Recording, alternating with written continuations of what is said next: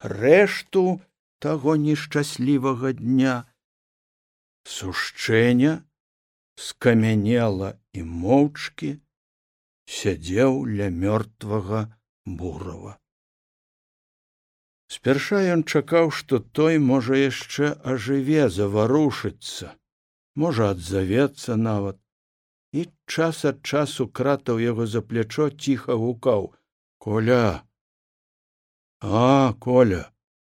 Аднак все было марна бураў не кратаўся і не адзываўся спакутаваны твар яго ўсё болей дранцвеў пад адрослаю шчэццю. Крыўдліва зламаныя вусны засмяглі ў нерухомасці да гладкага белага лба ўспатнела прыліпла высохлая пасма валасоў.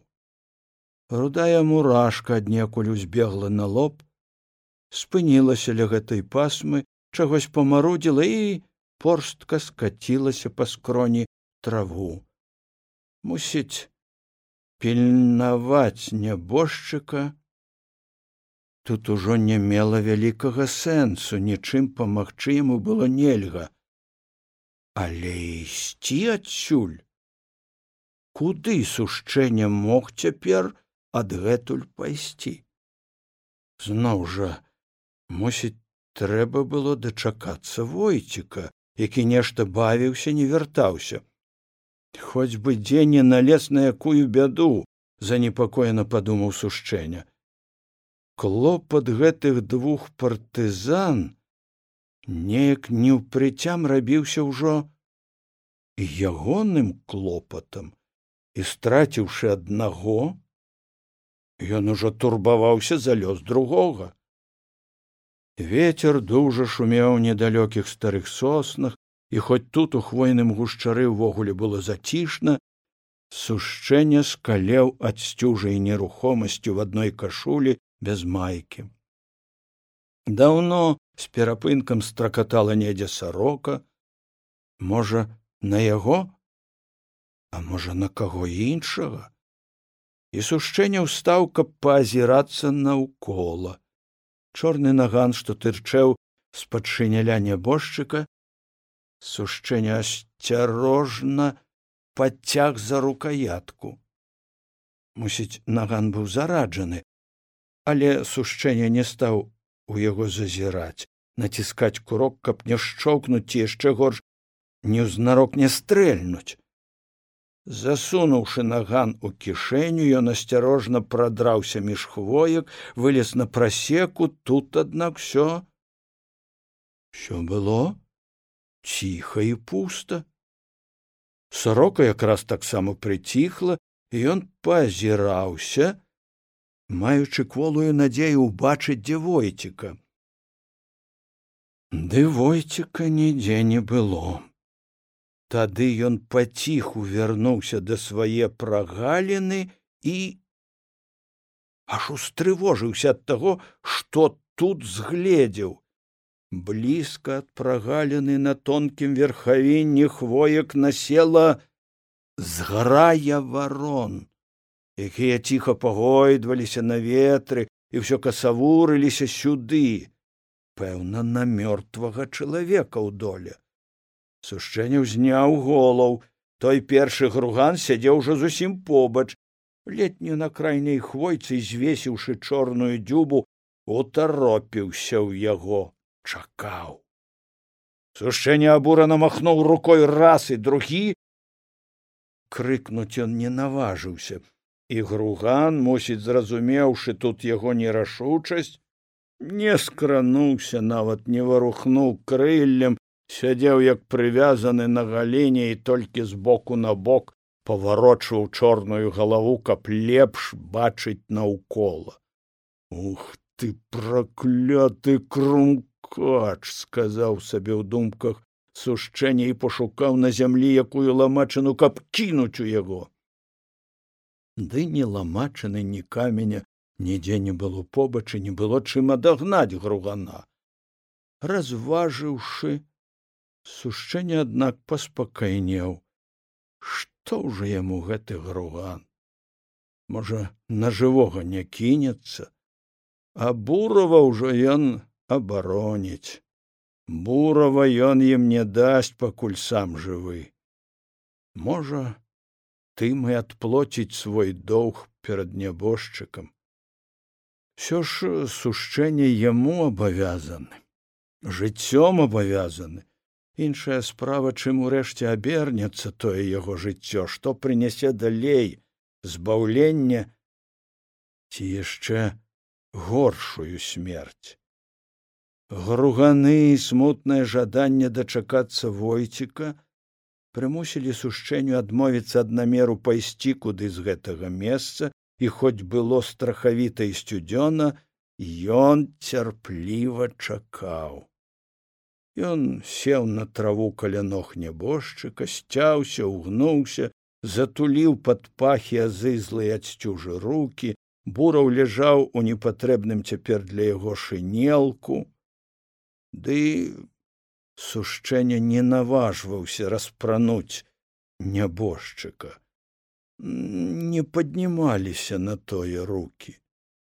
Ён усё думаў, што вось-вось паявіцца войцік з фурманкай, тады яны паедуць адсюль куды паедуць а хоць бы куды абы далей ад гэтага здзічэлага хвойніку ад гругання можа куды да людзей ды мінуў час а войцік не паяўляўся. Груганы нікуды адсюль не ляцелі азіраліся гойдаліся на тонкім вершаллі часам мяняючыся месцамі і ўсё шчыльней абступалі прагаліну пад вечар іх ужо сабралася тут стузін і наперадзе на самай верхавіне хвойкі бліжэй за іншых усе турчэў той першы груган. Цярпліва і пільна сачыў за двума чалавекамі унізе неяк неўпрыкметна сунуўся вечар хмарнае неба яшчэ болей захмарылася з-пад хвойніку папоў змрок усё шчыльнее туляючы маленькі лапік прагаліну тры вароны з дальніх вершалін паляцелі кудысь адна за адной. Рэшта ж засталася чаго сцярпліва чакала. Але чорта вам во лаяўся ў думках сушчэння все махаючы на іх руками толькі дарма. Чалавек іх не палохаў. Мусіць яны разумелі марнасць яго пагроз мало падобна што гэтыя ўжо не збіраліся нікуды ляцець. Ці не мелі яны намеры начаваць тут? Калі ўжо добра сцямнела і ў небе засталося відаць адно счарнелае вяршалля хвоек недзе прапалі ў змроку і вароны. Аднак час ад часу там адчувалася нейкае варушэнне некаторыя вяршаліны неспакойна пагойдваліся. Значыць вараннё все чакала. Войціка ж нідзе не было. Сушчэнне ўсё болей пачала гортваць стома ужо некалькі разоў ён лавіў сябе на тым што пачынае драмаць. Тады трывожна прахопліваўся вставаў махаў рукамі прысядаў скокваў разганяў сон і грэўся. Але гэта не сагравала стамляла яшчэ болей хацелася легчы і забыцца ў сне.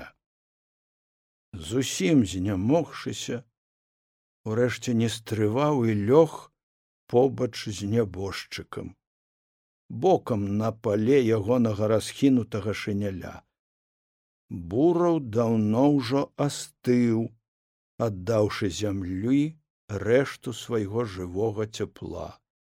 Але сушчэнне ўсё ж здалося ля яго утульней нават нібы бяспечней.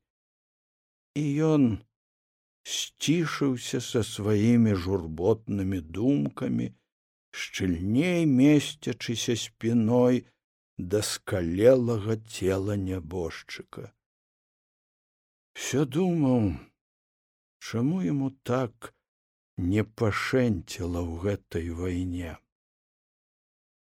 У чым ягоная віна перад людзьмі ці перад радзімай самім сабой?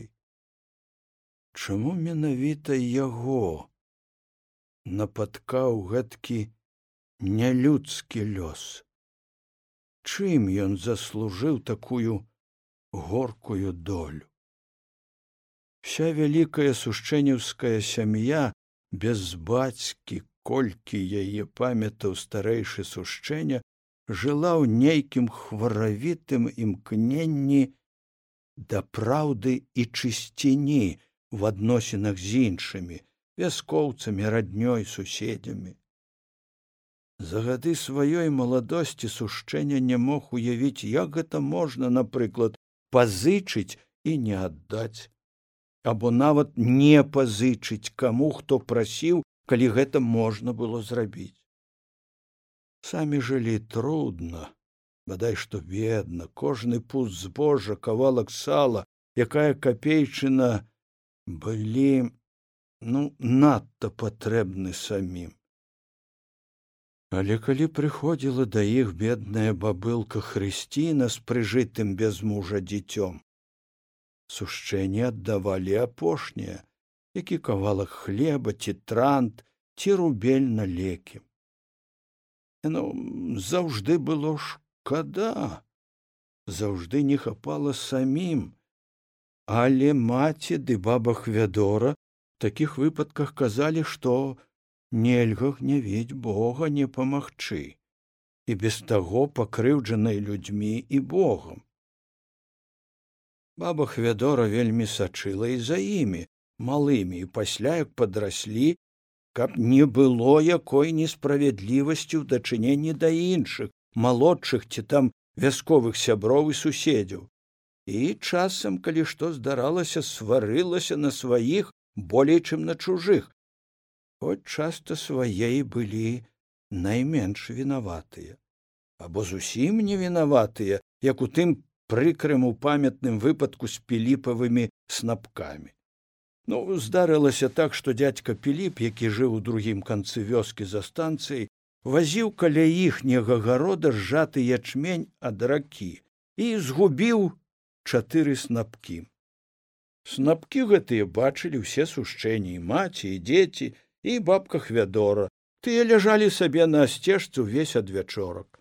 Дядька піліп мусіць яшчэ не згледзеў прапажу а як згледзеў і назаўтра вярнуўся па іх на сцежку снапкоў ужо не было снапкі прапалі. Вядома дядька піліп засмуціўся калі пачуў ад сушчэнняў што снапкоў ніхто з іх не браў а куды яны зніклі хто ведае. Пабедаваў дядька і пайшоў. А ў сушчэння ўшчалася трывога. Бабка хвядора ледзьве не плакала. Гэта ж ён падумае на іх тых сушчэнняў которые за жыццё не сашчыкнулі чужога стручка цераз плот не пакарысталіся чужым яблыкам ападам з узмежжа. Увесь вечар сушчэнні раіліся як ім уратавацца ад ганьбы. Справа ускладнялася яшчэ тым што свой ячмень яны ўжо абмалацілі. У пуньцы не засталося ніводнага снапка. І тады бабка хвядора пабегла цераз тры хаты да кульгавага зметрака у якога і пазычыла чатыры снапкі ячменю і сушчэнне аднёс іх дядзьку піліпу сказаў што малыя дурэючы учора іх прыбралі са сцежкі нікому не сказаўшы пра тое дурная ўвогуле сітуацыя тым больш што тыя піліпаўскія снапкі сапраўды нехта прыбраў са сцежкі. Але падазрэнне все ж было адведзена ад сушчэнняў і бабка хвядора сказала чорт іх бяры тых снапкоў цяпер спакайней спаць хоць будзем і ўсё яно было б добра дядька піліп не злаваў калі по душы ў сушчэнні не засталася малая стрэмка нехта ж! Все ж пакарыстаўся тымі піліпаўскімі снапкамі як і сушчэнюўскім прастадушам таксама ну але ці першы і ці апошні раз. Заўжды ў такіх выпадках бабках вядора ці маці казалі а хай сабе спакайней будзе яны надта імкнуліся да ладу і спакою душы.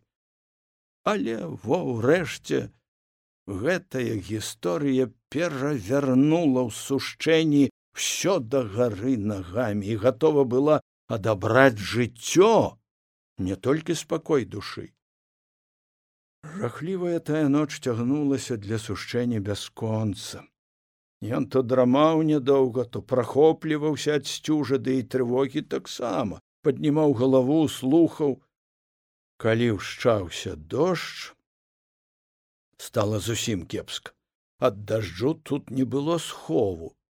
Нібы апроч хвойнага вецця ужо змакрэлы ён перацягнуў бурава пад нізка навіслыя лапкі суседняй бухматай хвойкі урэшце наважыўся зняў з яго воглы скрываўлены шынелак сам зноў прытуліўся поруч і як з жывым разам накрыўся яго шынялём.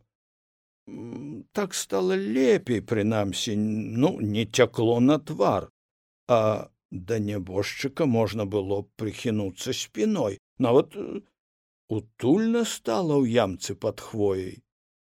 І ён здаецца заснуў.